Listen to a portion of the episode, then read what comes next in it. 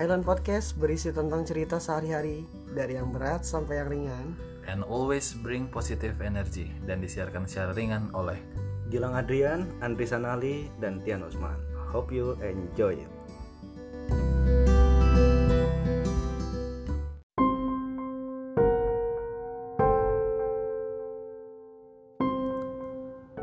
Gelap Sebuah cerita misteri yang ditulis oleh Gilang Adrian Seperti biasa, malam tetap datang menyelimuti hariku memberitahu bahwa sudah saatnya untuk beristirahat.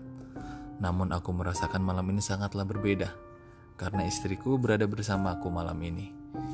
Kulalui malam itu dengan sangat gembira dan perasaan gelora yang sangat bahagia. Aku pergi bergegas menuju kamar mandi untuk membersihkan seluruh tubuhku yang sangat lelah dan berbau keringat selepas kerja. Aku berkata, segar sekali setelah mandi tinggal menyeduh kopi dan santai ah di teras. Aku seduh kopinya sambil berbincang dengan istriku yang kala itu duduk di ruang tamu diam sambil menonton TV. Mah, kamu lagi nonton apa sih? Kayaknya seru banget. Ujarku, dan istriku menjawab dengan hangat, Biasa pak, aku lagi nonton wayang kulit favoritku. Aku menjawab, emang ada ya mah wayang kulit di TV? Istriku menjawab, ada pak, kamu aja nggak pernah tahu. Oke, iya deh aku nggak pernah tahu. Setelah selesai menyeduh kopi, sambil berjalan ke teras aku lihat jam sekitar pukul setengah sembilan malam. Istriku yang duduk tegap dengan rambutnya yang panjang sambil menonton TV, aku berkata kepadanya, Mah, aku di depan ya, mau nyantai sambil main gitar. Sudah lama juga aku nggak main gitar.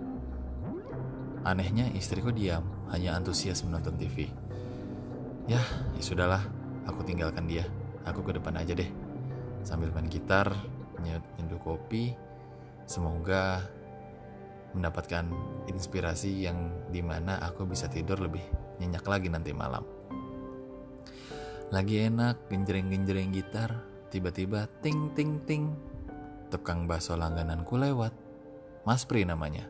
Aku tegur dia. Masih keliling aja nih, biasanya jam segini kan sudah habis. Mas Pri menjawab dengan kaku. Eh, eh, eh mas, uh, iya nih, lagi sepi, gak kayak biasanya. Uh, Mas, saya lanjut keliling ya. Kok Mas Pri jawabnya begitu ya? Ujarku. Biasanya kan dia nggak kayak gitu. Dia kan bakso langganan gua. Ah, sudahlah. Aku pun menyesal. Perutku bunyi kriuk-kriuk. Ternyata aku lapar dari tadi. Sambil berjalan membawa gitar dan gelas kopi kosong, aku menanyakan kepada istriku, Mah, masak apa sih hari ini? Tapi karena antusiasnya lagi, dia diam saja, tidak menjawab. Sudahlah, kalau nggak masak, aku tidur aja ya, langsung ke kamar. Ya sudah, aku bergegas ke kamar tidur, aku letakkan gitarnya di tempat gitar, dan aku taruh di wastafel untuk gelas kopiku. Aduh, ngantuk banget. Tarik selimut. Udah ah, tidur dulu. Mah, nanti kalau mau tidur, jangan lupa tutup pintu dan kunci pintunya ya, karena ini sudah malam. Iya, Pak. Tiba-tiba aku mendengar suara pintu. Tok, tok, tok. Mah, buka pintunya. Aku berteriak. Si Benny pulang tuh. Dengan suara sedikit gaduh, Benny memasukkan motornya dan berkata, Lain kali pintu ditutup, kan gue bawa kunci rumah. Dalam hatiku, anak sialan ngomong ke orang tua kayak gitu. Keesokan paginya, aku bersiap berangkat ke kantor dan melihat ternyata Benny sudah berangkat dan istriku juga sudah tidak ada di rumah. Dalam hati aku berkata, ya sudahlah aku beli sarapan di jalan saja. Kayaknya makanan sudah dihabiskan Benny tadi. Aku berjalan sedikit terburu-buru ke halte bis karena aku takut terlambat. Aku berkata, untung tiba pas dengan bisnya akan berangkat. Aku naik bisnya, bertemu dengan supirnya, dan aku duduk di barisan kursi paling belakang, dekat dengan kaca. Selama di perjalanan, aku bergumam tentang perilaku Benny yang selalu kurang sopan kepadaku.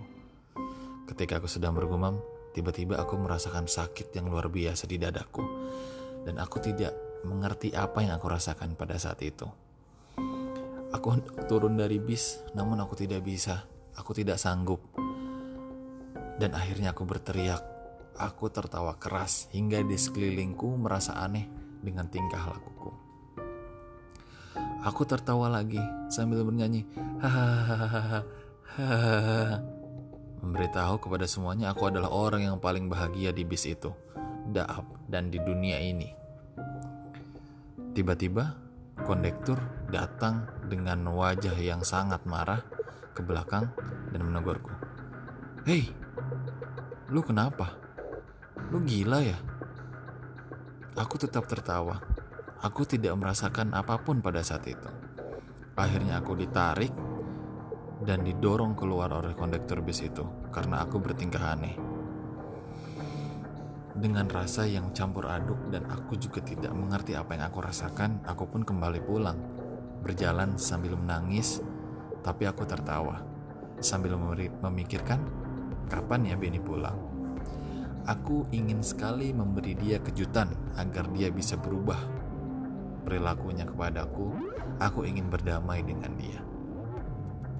Sesampainya di depan gang rumahku, aku masih tertawa namun bercampur dengan perasaan yang sangat sedih. Tapi setelah aku melihat rumahku, aku diam. Adrenalin yang aku rasakan tiba-tiba hilang menjadi sebuah kehampaan di kepalaku dan aku tidak tahu mengapa perasaan ini menjadi seperti ini. Aku bergegas masuk ke rumahku dan aku pun menyiapkan kejutan untuk Benny ketika dia pulang nanti dengan harapan dia bisa merubah perilakunya kepadaku. Aku persiapan kain putih, pisau, dan korek api untuk menyambut kedatangannya. Akhirnya semua sudah siap. Kini aku tinggal menunggu Benny pulang. Tidak lama setelah aku menyiapkan semuanya, aku tertidur pulas hingga aku bangun sekitar pukul 7 malam. Aku duduk di depan TV sambil menonton wayang favorit istriku dan pada saat itu istriku pun belum pulang. Tidak lama kemudian, akhirnya Benny pulang. Sekitar pukul setengah sembilan malam dia pulang. Dan aku berikan kejutan untuk dia. Aku datang kepadanya dengan membawa pisau korek api, dan kain putih. Aku tutup pintunya. Aku peluk dia dengan erat. Dan pada saat itu, dia sangat gembira hingga dia tidak bisa berkata-kata. Aku peluk dia dan aku berkata, "Benny, ini caraku mengekspresikan rasa cinta dan sayangku kepadamu, anakku. Nanti kita tinggal menunggu mama untuk melanjutkan pesta ini ya. Setelah kita berpesta malam tadi, aku pun lelah dan tertidur di ruang tamu. Ketika pagi sudah memanggil, aku kembali untuk beraktivitas lagi. Tiba-tiba aku melihat Benny sangat bahagia hingga dia tertidur pulas dan aku pun membangunkan dia. Benny, bangun. Ini sudah pagi. Nanti kamu telat untuk berangkat kuliah. Namun Benny tetap terdiam. Ya sudah. Ayah berbenah dulu ya karena akan berangkat.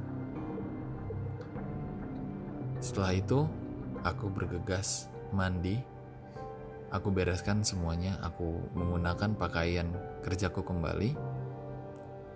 Aduh, Benny, Benny, berangkat aja. Ini kan tulang-tulangnya kok nggak diberesin. terpaksa aku membereskan kembali tulang-tulang itu.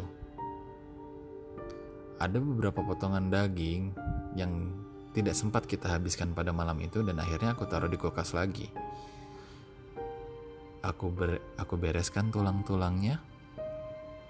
Dengan perlahan aku masukkan tulang-tulang itu ke kain putih karena aku takut tulang itu berbau. Akhirnya aku cangkul di belakang halaman dan memasukkan tulang-tulang itu ke tanah tersebut. Aku adalah seorang yang sangat bahagia dan sangat sayang dengan keluargaku. Aku punya cara sendiri untuk mengekspresikannya. Salah satunya ini. Aku berangkat kerja, bertemu dengan kawan-kawan yang masih mau berteman denganku, dan itu semua terjadi sangat normal. Ketika aku pulang kembali, Ternyata Benny dan istriku tidak pulang. Dan aku bingung kenapa mereka tidak pulang. Akhirnya, aku berusaha mencari Benny. Karena yang aku harapkan ketika pesta sudah selesai, dia akan merubah perilakunya kepadaku, bukan meninggalkan aku seperti ini. Aku cari ke kampusnya, namun tidak ada. Yang ada Malah semuanya heran melihatku mencari Benny. Seperti orang yang melihat maling atau melihat seorang pembunuh padaku. Akhirnya aku menanyakan kepada petugas satpam di sana menanyakan Benny ada atau tidak. Dia menjawab, Pak, gak usah nanya Benny. Bapak yang tahu Benny ke mana. Aku terdiam.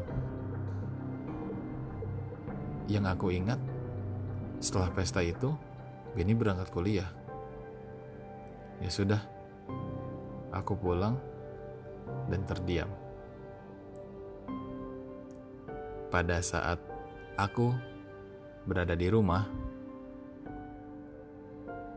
aku melihat Benny dan istriku sedang tegap duduk menonton wayang kulit.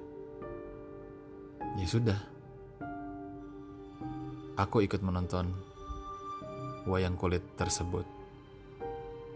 Dan ternyata tidak hanya Benny dan istriku, mantan istriku, dan mantan istriku yang lain, dan anak-anakku dari mantan-mantan istriku pun ada. Mereka semua kumpul, dan ini yang selalu membuatku merasa bahagia hidup di dunia dan ada mereka karena mereka sangat akur di rumah.